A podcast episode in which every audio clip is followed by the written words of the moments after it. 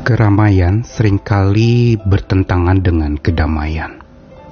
Di tengah-tengah keramaian sulit untuk kita bisa merasakan ketenangan, ketentraman, dan kedamaian.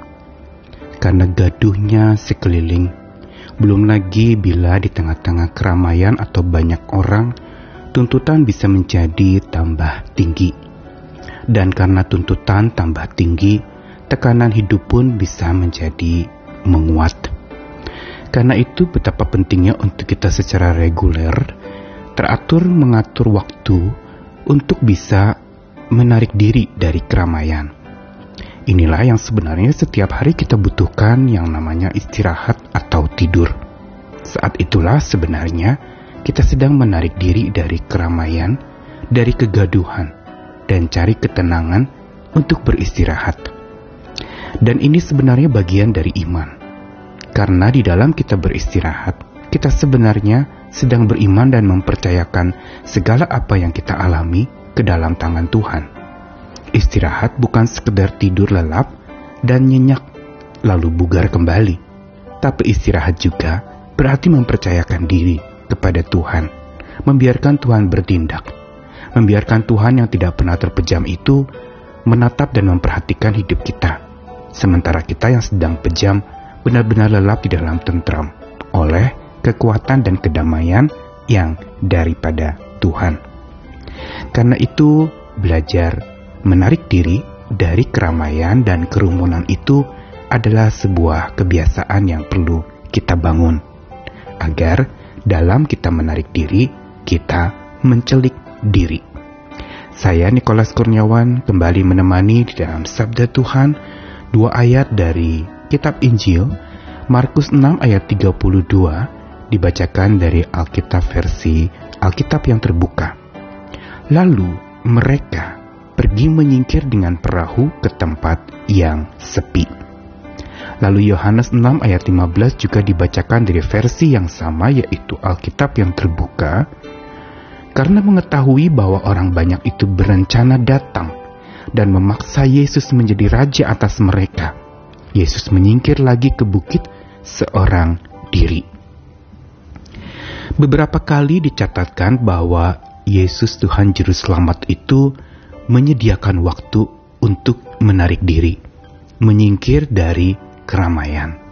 Ada yang bersama dengan para murid, ada yang dengan sedikit murid, ada juga dan banyak kali dia menyingkir seorang diri. Sebenarnya apa yang Yesus lakukan dalam dia menyingkir dari keramaian dan kerumunan orang? Apakah dia takut keramaian? Apakah dia tidak merasa nyaman di tengah-tengah keramaian? Apakah dia pribadi yang introvert dan tertutup? Jelas bukan itu semua jawabannya. Yesus menyingkir tentu saja dengan satu maksud yang jelas, dengan satu tujuan yang baik sebenarnya untuk dia mengasah diri lagi. Bukankah momen-momen di mana Yesus menarik diri, lalu dia menyingkir seorang diri, adalah momen-momen di mana dia memang setelah seharian beraktivitas atau berbagai macam kegiatan yang dilakukan, atau Yesus menyingkir, menarik diri, seorang diri, justru untuk satu maksud tertentu di mana dia mencari kehendak Bapaknya untuk dia memutuskan satu perkara. Misalnya sebelum dia memilih para murid dia menarik diri. Dia berpikir dan berdiskusi dengan bapaknya untuk memilih siapa saja yang akan menjadi pengikutnya.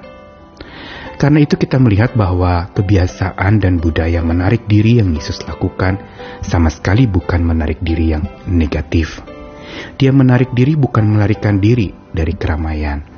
Memang di dalam Yohanes 6 ayat 15 dikatakan bahwa karena Yesus tahu banyak orang berencana memaksa dia jadi raja atas mereka. Setelah Yesus memberi makan buat banyak orang, Yesus menyingkir. Tetapi penyingkiran Yesus ini bukan dia lalu menjauh supaya tidak diangkat jadi raja. Tetapi karena dia tahu bahwa dia dipanggil oleh Bapaknya datang ke dalam dunia ini bukan jadi raja yang memberi makan roti yang habis dimakan lalu sudah tidak ada lagi. Tetapi Yesus justru dipanggil oleh Bapaknya menjadi raja yang kekal yang bukan saja memberi kebutuhan jasmani, tapi terlebih dari itu adalah kebutuhan rohani. Roti hidup, bukan roti yang sementara dimakan lalu habis dan tidak ada lagi. Karena itu kita lihat di dalam Yohanes pasal 6 ayat 15, saat Yesus menyingkir lagi ke bukit seorang diri, dia justru sedang berusaha untuk mencelikkan dirinya di hadapan Sang Bapa yang mengutus dia ke dalam dunia. Dia mencelikkan diri agar mampu melihat segala sesuatunya di dalam hidup lebih jelas. Lebih jelas panggilan Bapaknya, lebih jelas akan tugas misi yang dia akan lakukan, lebih jelas juga apa yang menjadi goal atau visi utama di dalam kehidupannya. Inilah sebenarnya yang kita perlu lakukan juga saat menarik diri, yaitu membuat mata kita makin celik dan melihat lebih jelas segala sesuatu yang terjadi dalam hidup kita, lebih proporsional, lebih tajam melihat ada apa di balik yang kita alami, lebih jelas memahami Tuhan maunya apa lewat yang kita alami atau peristiwa yang menghadang hidup kita. Melihat lebih jelas. Selain itu bukan saja untuk melihat lebih jelas saat kita mencelikkan diri kita di hadapan Tuhan di saat kita menarik diri, tetapi yang kedua, tujuan Yesus adalah jelas, yaitu supaya melihat segalanya bukan saja lebih jelas tapi lebih luas.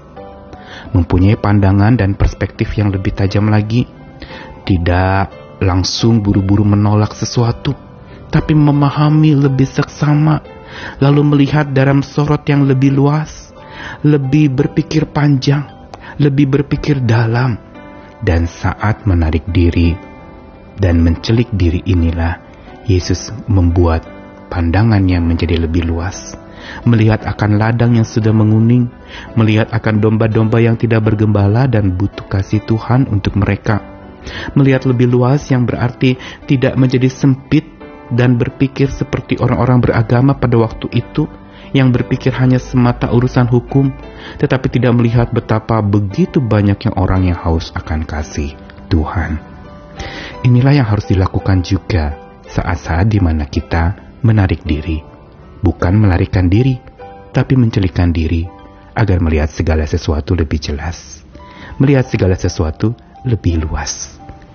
Tidak lagi buram dan tidak lagi sempit, kita dibawa kepada sebuah pencelikan rohani yang dalam, pencelikan iman untuk kita bisa melihat bahwa apa yang terjadi dalam hidup ini mengajarkan kepada kita bahwa Tuhan selalu punya rencana, punya maksud, punya tujuan untuk setiap peristiwa yang kita alami. Kalau Tuhan mengizinkan kita mengalami sesuatu, Tuhan juga akan memampukan kita melalui sesuatu itu. Mari kita belajar menarik diri untuk mencelikan diri di hadapan Tuhan dan oleh kekuatan Tuhan agar mata iman kita makin jelas melihat apa maunya Tuhan dan makin luas melihat apa yang Tuhan ingin kita lakukan. Selamat menarik diri untuk mencelikan diri kita. Amin.